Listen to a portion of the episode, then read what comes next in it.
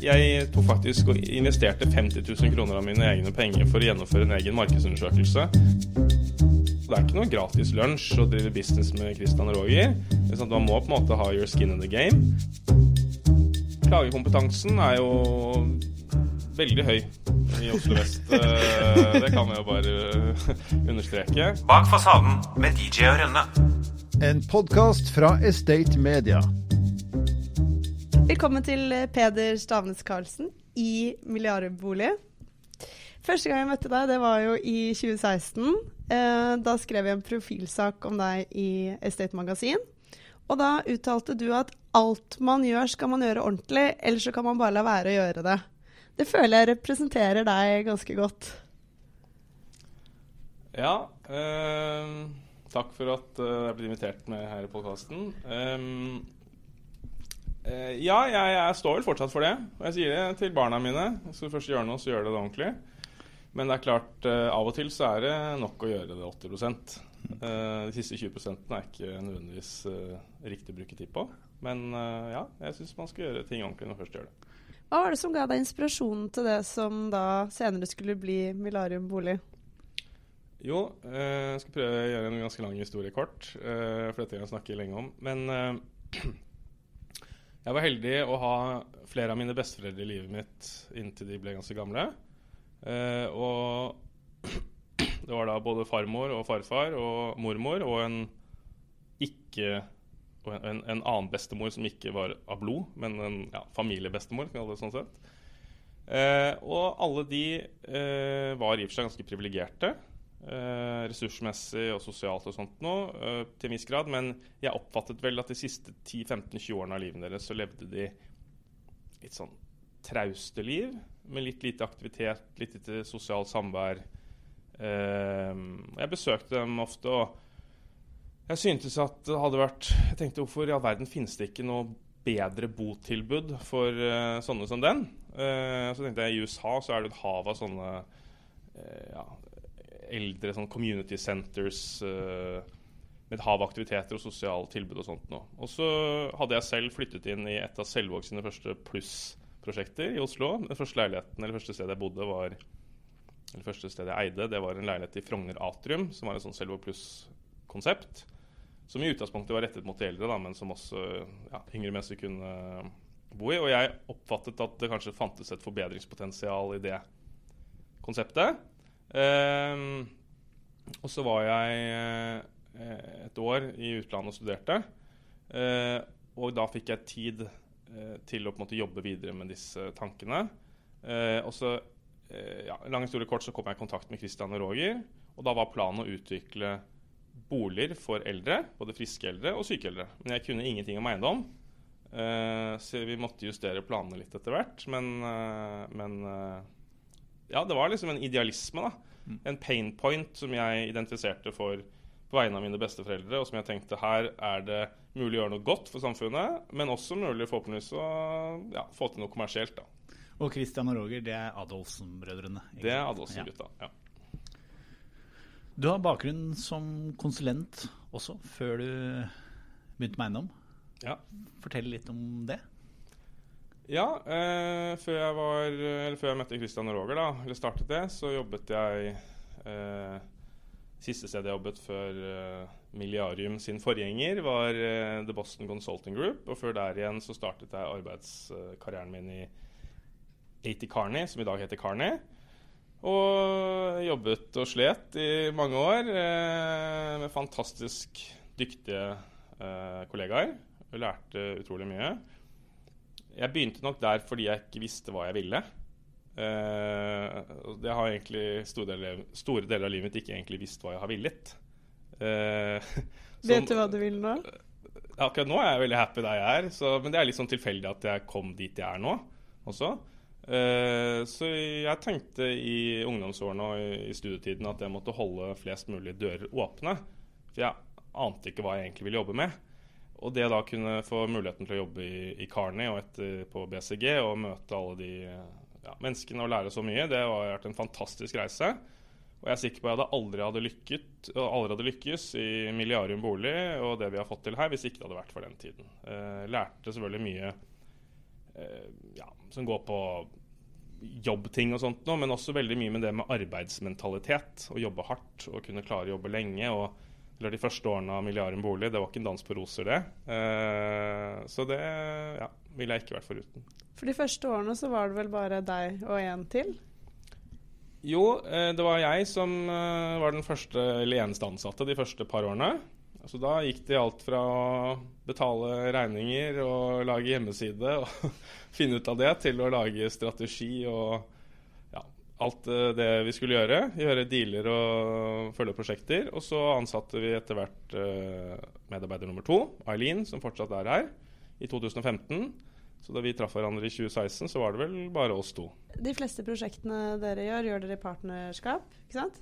Jo, de aller fleste. Ja, Hvorfor det? Det har igjen litt å gjøre med min bakgrunn.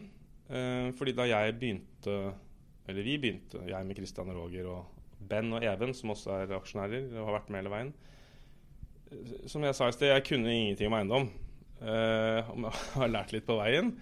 Men da vi gikk inn i noen prosjekter i begynnelsen, så var min plan eh, bokstavelig talt å kapitalisere på samarbeidspartnere sin, eh, sin, kunnskap og kompetanse. Slik at jeg kunne lære mest mulig, og så kunne jeg bidra med ting som ikke nødvendigvis var eiendomsspesifikk kompetanse. Som gikk på finans og strategi og forhandlinger og andre elementer da, som jeg ja, kunne ta med meg noe erfaring fra mitt tidligere arbeidsliv. Eh, så fordi jeg kunne jo ikke være prosjektleder, jeg hadde ikke forutsetning for det. Og, og, det ville heller ikke vært riktig at jeg skulle være veldig nede i grøten i alle de prosjektene i begynnelsen, for da hadde jeg ikke fått tid til å på en måte utvikle selskapet videre. Um, men etter hvert da, som vi da har bygget en portefølje med mange spennende prosjekter, så var det også da mulig å tiltrekke oss flinke og, og fremoverlente medarbeidere uh, med den type kompetanse som jeg ikke hadde. Uh, og nå er vi der at vi derfor kan gjennomføre prosjekter i egen regi. For nå har vi den kompetansen og bygget den opp over tid. Uh, og vi gjør gjerne partnerprosjekter. Det som er fint med partnerprosjekter, er at jeg erfarer at alle sammen tilfører ulike typer synspunkter og, og, erfaringer og kompetanse som av og til så blir det litt slitsomt, fordi man må, man må jo komme til enighet. Men at the end of the day så blir det ofte bedre løsninger, oppfatter jeg. Og eh, selv om vi er et forholdsvis ungt selskap, så er jeg definitivt av den oppfatningen at vi har bidratt på mange måter i partnerskap med uh, tyngre uh, aktører med betydelig lengre fartstid enn det vi har. Også fordi vi, vi, kanskje ser ting litt annerledes. Da tar vi en kort pause for å minne om at BN Bank er spesialisten på finansiering av næringseiendom i Oslo-regionen. BM Bank er en rendyrket eiendomsspesialist og kjennetegnes av hurtighet, fleksibilitet og forutsigbarhet. Gode løsninger sikres gjennom medarbeidere med høy kompetanse og sterke relasjoner til kundene. Kontakt BM Bank nå. Men hvorfor tror du de ansatte deg, da, helt uten eiendomskompetanse?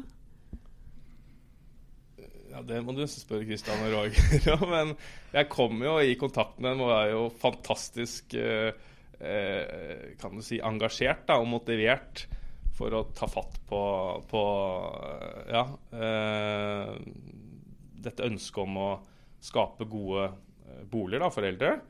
Og Christian Roger eh, var jo allerede veldig mye inne i helse og omsorg, og også en del innenfor eiendom. Og det var sånn sett jeg identifiserte at de kunne være en veldig spennende match. Fordi de hadde masse erfaring innenfor ja, relevante segmenter. Men de hadde ikke en ordentlig boligsatsing.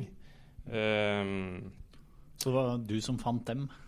Ja, det kan du si. Jeg identifiserte dem og kom i kontakt med dem. Um, og ja, de er jo superjoviale og hyggelige. Og, ja, jeg var rimelig nervøs foran mitt første møte med Christian, men det var, gikk som en dans på roser. Så ja, det har vært en, et eventyr egentlig helt siden da. Mm. Kan du fortelle litt om uh, hva du studerte, og, og hvor? Uh, ja, fra, fra et, etter videregående, tenker du ja. på? Ja, jeg, eh, jeg, valgte en litt sånn kjip uh, løsning uh, i Sandvika, da jeg studerte på BI der, Sivøk, med, med, spesialisering i finans. Og jeg, valgte, jeg er fra Oslo, og jeg valgte det fordi det var Ja, jeg var nærhet til venner og familie, og det var enkelt. Jeg vurderte NHH i Bergen, men droppet det. Jeg var egentlig keen på å dra til, eh, til USA, men eh, jeg trenger ikke gå inn på hvorfor ikke det ble nå. Men eh, ja, etter lange diskusjoner så endte det med at det ikke ble det. Ehm, jeg hadde en veldig fin tid på BI, men jeg fikk jo ikke utvidet horisonten mine så mye som jeg kunne og burde ha gjort. Men det var mye, ja, mye fest og moro og hadde en uforglemmelig tid. Og mange av mine beste venner i dag har jeg fra studietiden. Så sånn sett kan du si jeg er også veldig glad for at jeg gikk, på, gikk der jeg gikk. Eh, og så etter fem år i konsulentbransjen så tok jeg et år i Frankrike. Eh, det var da med Sebastian, da han var min sønn, da han var seks måneder, og min kone Laura. Så dro vi dit og var et år der. Og det var en uh, helt annen og veldig ja, spennende og utviklende opplevelse. da. Men i utgangspunktet så var vel det et studie som man tar over to år. Eh, du tok vel det på vesentlig kortere tid? Du kan si at en, en såkalt MBA, da, som det studiet heter, er normalt et toårsstudium. For jo for å kunne få den graden, så må du gjennom så og så mye pensum, da, rett og slett. Eh, og i USA så er de aller fleste MBA-programmer over to år, f.eks. Men du har da noen MBA-programmer, bl.a. det på INSEAD, som jeg tok, som går over et snaut år. Så det er veldig sånn komprimert og ja, intensivt program, da. Eh, så du må jo da i snitt studere hardere per dag enn det du må i andre studier.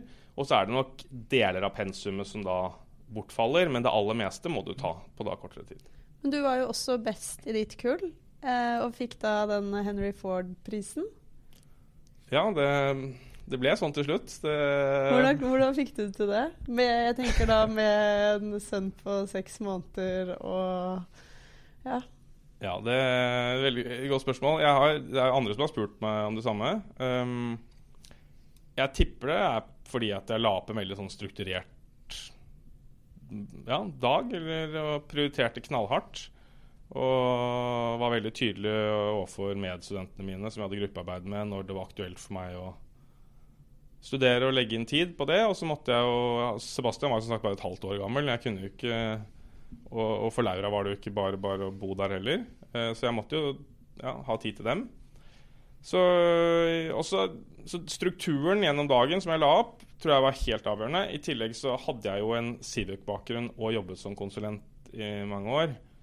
Og det bidro også til å gjøre det mye enklere enn la oss si for de som var journalister eller ingeniører eller leger, og som skulle ta den samme graden som meg, men som ikke hadde den samme bakgrunnsforståelsen. Da. For det var jo mye som var du kan si, en viss grad av repetisjon og bygge på det jeg allerede hadde lært. Eh, så det var nok enklere for meg enn for en del andre. Eh, skolen er vel ganske kjent for å tilrettelegge for gründervirksomhet. Eh, var det litt eh, der du fikk liksom viljen og muligheten til å, til å gjøre noe selv? Altså Fikk du den selvtilliten til å prøve noe og, ja, gå til noen med konseptene dine? Eh, det bidro i hvert fall til å forsterke det. For jeg hadde identifisert lysten om å få til noe, eller dette som jeg snakket om i sted, da, om skape bedre boformer for eldre. Det hadde jeg identifisert lenge før jeg gikk på NCAD. Men jeg jobbet jo da helt sinnssykt mye mm. eh, som konsulent. Eh, og det var jo ikke tid og energi for meg til å ta tak i det eh, gjøre noe med det da jeg jobbet. Eh, så under dette studiet, så, som du er inne på, så er det de legger opp til veldig mye sånn innovasjon entreprenørskap. Og både som en del av studiet og ved siden av studiet. Og definitivt så var det jo da muligheter for meg å jobbe videre med dette. Og jeg fikk jo gjorde masse research i utlandet og skrev eh, oppgaver og lagde forretningsplan. og jeg, jeg tok faktisk og investerte 50 000 kroner av mine egne penger for å gjennomføre en egen markedsundersøkelse. Der jeg sendte konvolutter med spørreskjema og sånn ferdig frankert svarkonvolutt til 18 mennesker i Oslo og omegn. Uh, for å prøve å få verifisert noen hypoteser jeg hadde. da. Uh, og det var i og for seg da jeg fikk tilbakemeldingene på det spørreskjemaet, at jeg fikk nok tro på at det kunne være en tilstrekkelig, tilstrekkelig stor interesse i markedet da, for at tankene mine kunne ha livets rett. Men jeg var jo ufattelig naiv. Uh, og du kan si i dag er jeg veldig glad for at jeg var det. så jeg skjønte jo ikke hva det var jeg ja, bega meg ut på. Eh, men Christian og Roger de trodde på meg, og vi fant tonen. Og de har vært en ja, ufattelig store inspirasjonskilder og hjulpet meg veldig, men samtidig latt meg på en måte få frihet til å utvikle dette her på, på en måte som har funket for meg. Ehm, så, så, så du har De har jo også vært De har bygget seg opp fra fire tomme hender selv. Så det å Du kan si den reisen da, gjennom å identifisere denne ideen, uh, jobbe med den gjennom INSEAD, og deretter få backing fra Christian og Roger, som selv har vært gründere, og hjelp i den fasen, uh, det har jo vært helt uvurderlig. Eh, rett og slett. Hva er det du har lært mest av de, vil du si? Du skal trekke fram noen Uff, ting. ja, det er mye. Um, jeg vil kanskje Jeg vil si at jeg har, jeg har lært masse liksom, på det menneskelige planet. da. De er jo fantastiske mennesker, iallfall slik jeg kjenner dem. Men jeg har jo studert mye finans, og veldig mye av det er jo sånn, veldig sånn teoretisk. Og jeg vil jo si at jeg har jo forstått eh, finans i praksis. Eh, hvordan det faktisk funker, og hva man faktisk kan få til. Og hvilke muligheter som ligger der. Eh, altså, det er jo takket være dem at vi på en måte har eh, fått til eh, en del av det vi har fått til. Og det er jo takket være dem at jeg etter hvert forsto at det var mulig å få til mye med ganske lite. Mm. Jeg kommer inn og var jo, hadde jo vært vanlig lønnsmottaker i, som konsulent og hadde jo ikke noe særlig penger å putte inn i, i denne sjappa. Og det er ikke noe gratis lunsj å drive business med Christian og Roger. Sånn? Man må på en måte ha your skin in the game.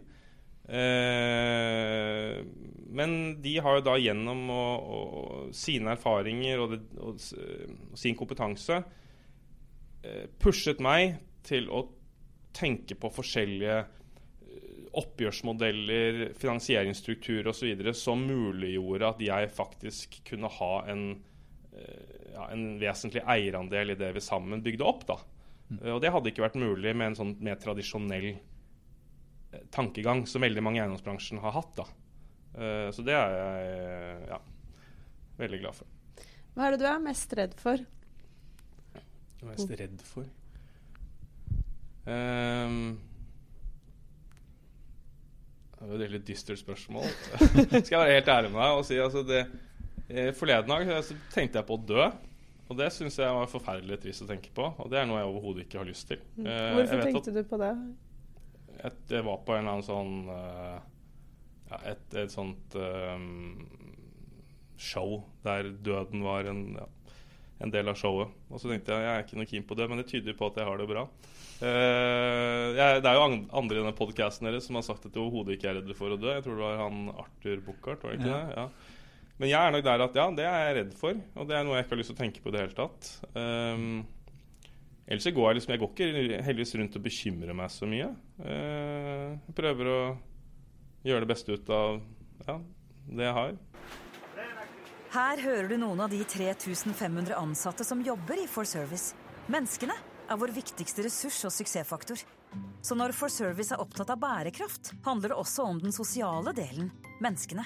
Gjennom rekruttering, nye arbeidsplasser, kompetanseheving og riktige samarbeidspartnere jobber For Service for å gi muligheter til mennesker. Også de som i dag står utenfor. Alle må starte et sted. Les mer på forservice.no. Kona di, eh, Laura, Ja, eh, hun er fra Sør-Amerika. det er riktig. Ja. Eh, hvordan møtte du henne? Vi traff hverandre i eh, Barcelona sommeren 2007. Hun er eh, fra Caracas i Venezuela. Eh, men alle hennes fire besteforeldre emigrerte fra Spania til Venezuela under Franco-tiden. Og så møttes de fire besteforeldrene hennes tilfeldigvis da i Venezuela. Så hun er da 100 spansk i blodet, selv om hun er født og oppvokst i Venezuela. Og etter eh, litt utdannelse i, i Venezuela så dro hun til Barcelona og bodde der sammen en jente som heter Sandra. Eh, og det er jo mange, mange tilfeldigheter her i livet. Eh, og Sandra eh, hadde da eh, kontakt med en del i min vennegjeng her i Oslo. Og jeg ble kjent med Sandra. Og Sandra ja, var, sånn, var sånn småkjæreste med en av kompisene mine. Og sånt nå, og så ble jeg etter hvert bedre og bedre kjent med Sandra. Og så sa hun til meg en gang jeg tror det var på forsommeren 2007, i mai eller noe sånt nå. Peder, du må komme og besøke meg i Barcelona. Jeg har verdens eh, nydeligste flatmate. Men da hadde jeg en kjæreste. Så det var uaktuelt for meg. Og så ja, bare gjorde tilfeldighetene slik at det ble slutt mellom meg og eksen rett før sommeren. Og så skulle jeg på guttetur. Eh, dro vi med en eh, gammel eh, kassebil, kjørte nedover i Europa og endte opp da i Berlin. Eh, og på et eller annet tidspunkt så hadde da pengene til eh, guttegjengen tatt til slutt. Og jeg hadde en, eh, en eh, uke eller to ferie, og det var meldt drittvær i Norge. Og jeg var ikke spesielt keen på å kjøre hjem fra Berlin til Oslo eh, med en raka fant, eh, vennegjeng. Eh, så da ringte jeg til Sandra og spurte du, er det greit om jeg setter meg på flyet og flyr til Barcelona i morgen. Og det var det. Da var ikke Sandra der, og heller ikke Laura. Så da ble jeg møtt av noen venninner av de to som hjalp meg inn i leiligheten. Og sånt nå. Og så etter hvert så dukket Sandra opp og Laura opp. Og da var faktisk moren til Laura også på besøk. Eh, så de kom da hjem fra tur, de hadde vært på Malta. Og så etter eh, et par dager så heldigvis så dro moren til Laura, og da skjedde det ting. Eh, og Kjærlighet fra, fra, fra, fra første blikk? ja, nesten. Jeg var ganske betatt da jeg så henne. Jeg tror det treng, Hun trengte litt mer tid. så jeg var sørget for å Sørget for å få et, uh, en god tone med moren mens hun var der, så det tror jeg var en bra strategi. Så flyttet hun til Norge, Laura altså, i ja, januar et halvt år etterpå.